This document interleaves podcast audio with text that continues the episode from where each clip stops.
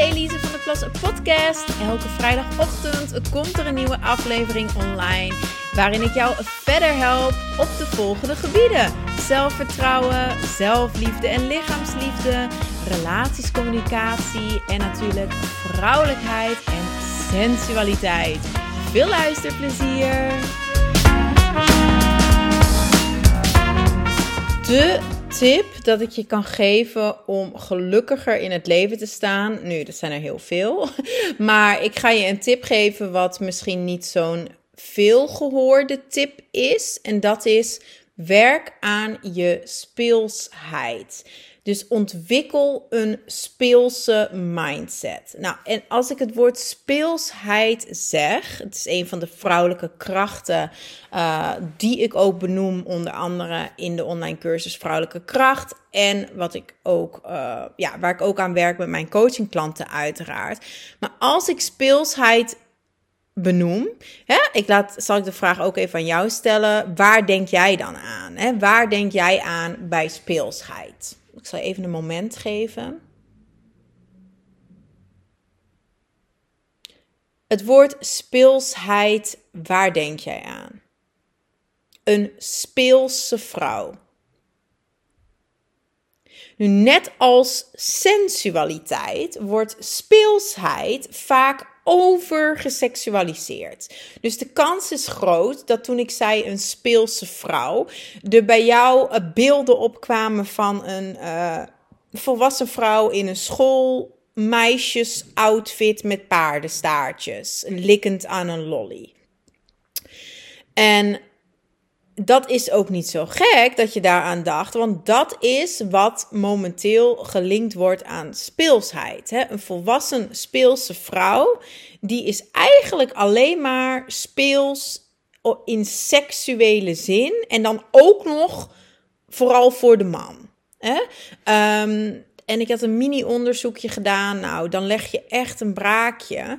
Um, drie keer raden wat het best verkochte sexy kostuum is in de webshop van aerovibes.be. Ja, ja, het stoute schoolmeisje uniform. En daarbij staat een tekst: slaag voor elke mondelinge test met dit zinvolle, aanlokkelijke schoolmeisjeskostuum. Nou, echt, toch? En dan andere best verkochte outfits zijn verpleegster, dienstmeid, schoonmaakster, stewardess, playboy bunny. En de andere plekjes in een top 10, dat zijn allemaal variaties op dat stoute schoolgirl uniform. Namelijk katholiek schoolmeisje, kostschool schoolmeisje en het lievelingetje van de klas schoolmeisje. Ja, en als ik daarover nadenk, ik vind het fout on so many levels dat er dus mannen zijn die opgevonden worden van een vrouw die er dan maar dus zo jong mogelijk eigenlijk uitziet. Um, maar buiten dat jonge, jonge, hè, want een meisje is jong, daar kunnen we niet omheen buiten een jong meisje is het dan ook, denk ik, vooral interessant omdat ze zo lekker losjes is. Hè? Zo, ze stelt geen moeilijke vragen, ze zeurt niet, ze is lekker flexibel, meegaand, uh, fysiek en meegaand, uh, fysiek en, en mentaal flexibel. Oh lord, dienend, onderdanig, hè? lekker dienstbaar. Uh, het zijn echt die good girls die braaf doen wat de leraar of de baas zegt. En uh, zo niet, ja, dan verdient ze natuurlijk, dan verdient ze billenkoek. Nou, echt. Oké, ik snap het als jij dus ook even naar de badkamer bent gerend om uh, een klein kotsje te leggen. Want, ugh, ja, en je zou natuurlijk ook voor minder een weerstand krijgen tegen speelsheid. Maar dit is het dus niet. Hè? Daarom ben ik hier ook zo passionate about. Ik vind echt dat we speelsheid moeten reclaimen als vrouwelijke kracht. Laat je niet duwen in deze seksuele foute richting onder het momp. Uh, je bent lekker speels. Nee, allereerst, toen jij effectief een schoolmeisje was, ja, dan was dat toch geen speelsheid voor jou? Dan ging je toch niet sexy likken aan een lolly uh, of met zo'n tamme lammetjes, hulpeloos reetje, met zo'n blik in de, in, in de camera loensend. Oh, echt. Oh ja, ik ben naar foto aan het kijken van die outfit op die website. Het is echt letterlijk een vrouw die aan een lolly likt en die helemaal hopeloos, hulpeloos in de camera kijkt. Met haar kousjes aan en haar geruite korte rokje en haar witte wikkeltopje. Helemaal schoolgirl. Zo ontzettend fout. Goed, oké, ik moet even naar iets anders kijken. Focus. Uh, Nee, wat, wat was spelen voor jou als jonge meid? Kijk, voor mij was dat buiten zijn met vriendinnen, hutten bouwen, sloten springen, paardrijden, fietsen, skileren. Maar ook Barbies, bordspelletjes, winkeltjes spelen. ik was heel graag eigen baas, dus ik had altijd een eigen winkel. En dan kwamen vriendinnen op bezoek iets bij me kopen. Uh, dansen, make-uppen vond ik heel leuk. Hè? Heel de tijd bezig zijn met make-up. Uh, en natuurlijk, wat ik al vaker heb verteld, ik maakte alsof radioshows. Ik nam cassettebandjes vol op met vriendinnen. Ik had mijn eigen radioshow samen met een vriendin.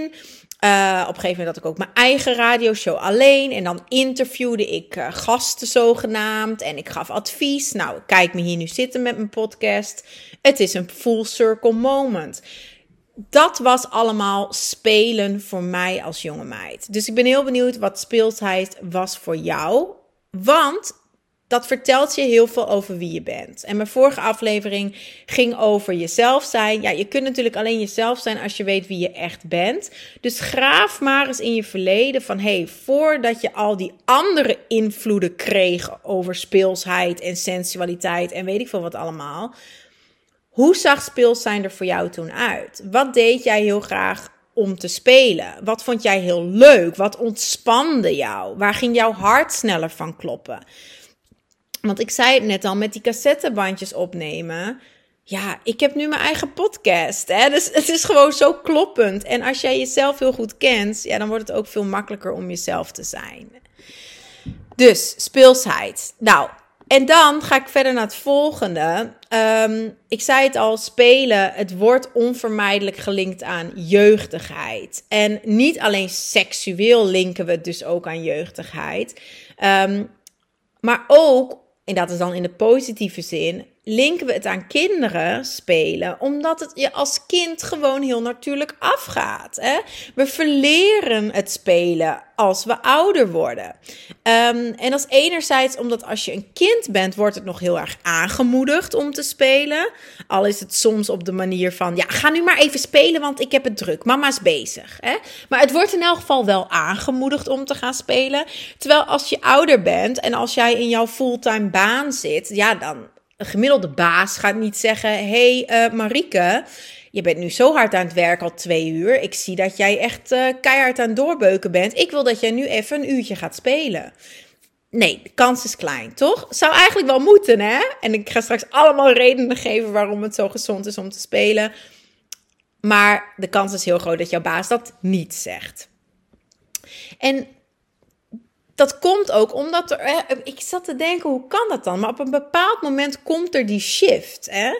Dus er wordt eerst tegen ons als kind gezegd: ga maar spelen, ga maar lekker spelen. Ja, spelen is belangrijk. Kom, je moet spelen. Um, en dan op een gegeven moment wordt er gezegd: ja, maar nu moet je stoppen met spelen hoor. Doe nou eens serieus. Stop eens met dat gespeel en geklooi. Je bent daar nu echt te oud voor. Maar waarom? Waarom zeggen we op een bepaald punt tegen kinderen: je moet nu stoppen met spelen, daar ben je nu te oud voor geworden? Het is namelijk een van de meest slechte dingen dat we kunnen doen voor onze kinderen. Want spelen, je moet levenslang spelen. En deze aflevering heeft ook als titel: Wat kan je doen om gelukkiger te zijn? Dat is spelen. Echt waar. Als jij een speelse mindset weet te omarmen en als jij spelenderwijs door het leven gaat, en dat, dat schud ik niet uit mijn mouw, dat is echt wetenschappelijk bewezen, hè? Dan ben je veerkrachtiger. Je bent creatiever. Je hebt betere relaties. Ja, logisch. Mensen die spelen, die zijn spontaner en creatiever en vrolijker. Dus die hebben ook weer betere relaties. Want wie zit te wachten op uh, een serieuze zuurpruim? Um, Het heeft ontzettend veel voordelen. Maar meer nog, het is ook goed voor je hersenen om te spelen.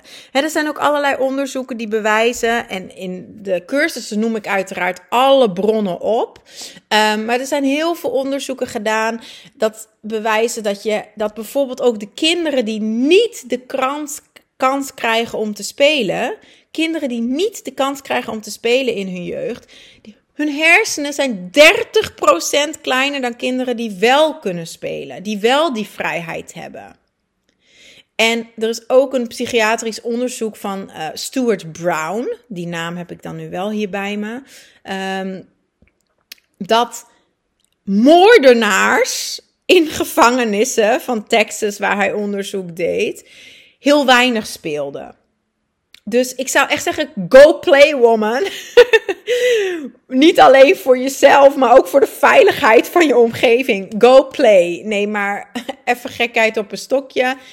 Het is heel belangrijk om te spelen. Het maakt je creatiever, veerkrachtiger, gelukkiger. Uh, en het maakt je ook slimmer. Je hersens ontwikkelen zich beter. Verschillende delen van je hersenen het deel dat ervoor zorgt dat je beter emoties kan reguleren.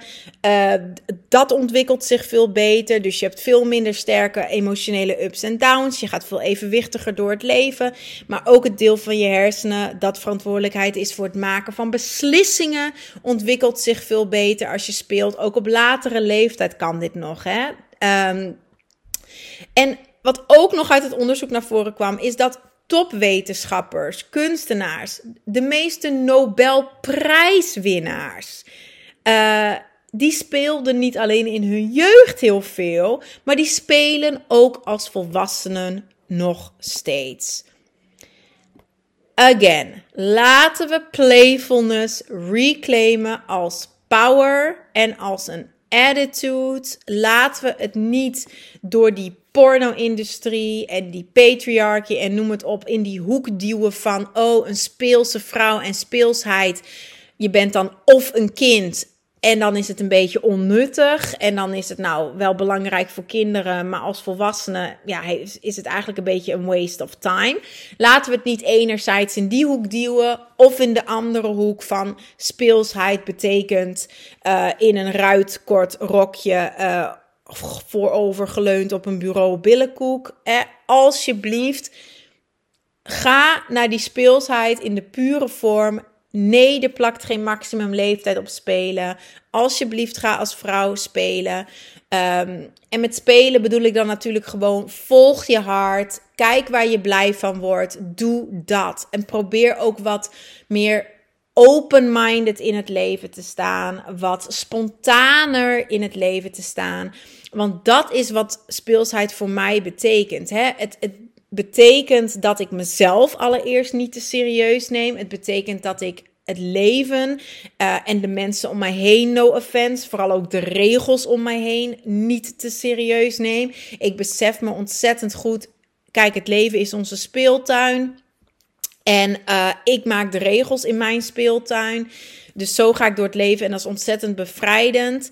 Uh, het betekent voor mij ook dat ik leef in het nu. En dat mijn speelse mindset helpt me om me niet druk te maken over het verleden. Om ook niet al te stressen voor morgen. Maar het helpt me om echt in het nu te leven. Om om me heen te kijken, heel mindful. En om te zien, hé, hey, daar is een leuke boom waar ik in kan klimmen. Nou, misschien klim ik erin met mijn zoon of alleen. Heb ik een leuk uitzicht. Dus ik leef daardoor veel meer in het nu. Het zorgt echt voor onbevangenheid. Het zorgt voor een bepaalde zorgeloosheid. En het zorgt voor mindfulness. En daarmee ook voor mijn uh, welzijn en mijn geluk. En jij hebt deze karaktereigenschappen ook allemaal. Jij, daar ben ik 100% zeker van. Want elk kind heeft wat ik net zeg. Toch? Elk kind leeft in het nu. Elk kind is veerkrachtig. En elk kind uh, neemt zichzelf en het leven niet te serieus. Hè? Dat is, zijn allemaal eigenschappen die we allemaal hebben, maar die we verliezen, die we eigenlijk ontleren naarmate we ouder worden. Dan verliezen we die puurheid en dan verliezen we die vrijheid. En dat blokkeert dan jouw natuurlijke speelsheid, maar ook jouw natuurlijke sensualiteit en jouw natuurlijke authenticiteit. En de kunst is dus eigenlijk om allerlei dingen te ontleren, zodat je weer jezelf kan zijn. Jouw speelse zelf. En Pablo Picasso, niet een van de minste kunstenaars, heeft heel veel quotes rondom uh, kinderen en rondom speelsheid en creativiteit. En een hele mooie quote van hem, wat hier mooi op aansluit als afsluiter van de aflevering, is: The first half of your life is learning to be an adult. The second half of your life is learning to be a child again. Even nog een vertaling, voor als je Engels niet zo geweldig is. Hij zegt dus eigenlijk de eerste helft van je leven. Wil je leren hoe je volwassen wordt? Of leer je hoe je een volwassene moet worden? En dan de tweede helft van je leven wil je eigenlijk weer leren hoe het is om een kind te zijn. Of hoe jij was als kind. Nou, lieverd, heel erg bedankt weer voor het luisteren.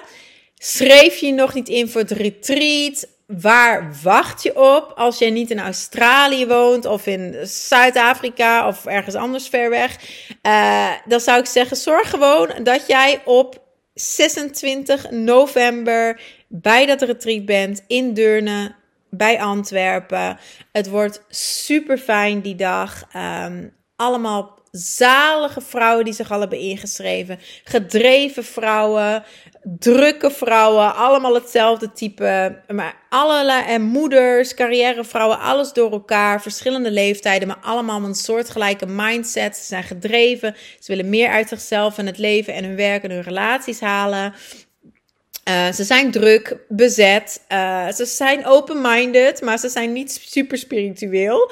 Dus ze zitten niet te wachten op innerlijke kindknuffels en heel veel geblabla met uh, saliebranden en noem maar op. Ze willen van mij, want zo kennen ze me, veel motivatie, veel energie, veel inspiratie. Ook een beetje tough love en schopjes onder je kont. Vooral natuurlijk ook heel veel positiviteit, heel veel liefde, heel veel ontspanning. Maar ook echt concrete handvaten. Uh, zodat jij na die dag naar huis gaat. Niet alleen ontspannen, maar ook opgeladen, vol energie. Omdat jij gewoon echt heel concreet weet: dit zijn mijn volgende stappen. Dit wil ik veranderen. Hier ga ik mee aan de slag. Allemaal vanuit een grotere zelfbewustzijn, een grotere zelfkennis die je die dag hebt opgedaan. En persoonlijke groei, echt, ik beloof het je, ik maak het gewoon ontzettend leuk. Door die archetypen en door burlesque. Dus ik zou zeggen, let's go! Schrijf je nou gewoon alsjeblieft in. Ik zou je daar heel graag ontmoeten. Uh, want ik weet dat als jij naar deze podcast luistert, dat jij er gewoon perfect tussen zou passen bij die toffe groep dames. Uh, ik moet er wel bij zeggen, ik weet niet exact wanneer deze aflevering online komt. Dus het zou ook nog maar zo kunnen zijn dat de tickets al uitverkocht zijn. In dat geval kun je je op dezelfde pagina via de website, dus uh, elisevdplas.com slash retreat. Of ga gewoon naar elisevdplas.com slash links. Um, want daar vind je altijd de meest actuele links terug. Als je ziet dat het al uitverkocht is, dan kun je je op de wachtlijst zetten. En dan krijg je, als ik volgend jaar weer een retreat doe, dat zal dan wel waarschijnlijk pas in mei zijn. En dan krijg je een mailtje en dan kun je je dan als eerste inschrijven. Mocht je echt niet in staat zijn om in dat retreat uh, te stappen die dag en persoonlijk door mij begeleid te worden, dan raad ik je echt aan om nu in die cursus vrouwelijke kracht te stappen, want de prijs gaat zeer binnenkort omhoog. Nu alleen nog krijg je ook de burlesque cursus volledig gratis als bonus bij de vrouwelijke krachtcursus. Dus je krijgt echt letterlijk twee cursussen voor de prijs van één. De prijs staat nu nog op maar 155 euro en daarvoor krijg je toegang tot alle tiende lessen over de archetypen. Um, met ook case studies over andere, onder andere Marilyn Monroe en andere rolmodellen. Uh, je krijgt ook toegang tot mijn bibliotheek met allerlei handige links naar films en podcasts en andere media die ik aanraad. Boeken uiteraard ook. Kortom, echt alles. Het is een goudmijn, die cursus. Je vindt alles in die cursus wat jij nodig hebt om in jouw vrouwelijke kracht te staan. Uh, voor nu en altijd. Dus, en het is in tien concrete lessen. Dus het is ook nog lekker overzichtelijk. Stap voor stap kun jij op die manier helemaal openbloeien. Nou, dat was hem. Tot volgende week.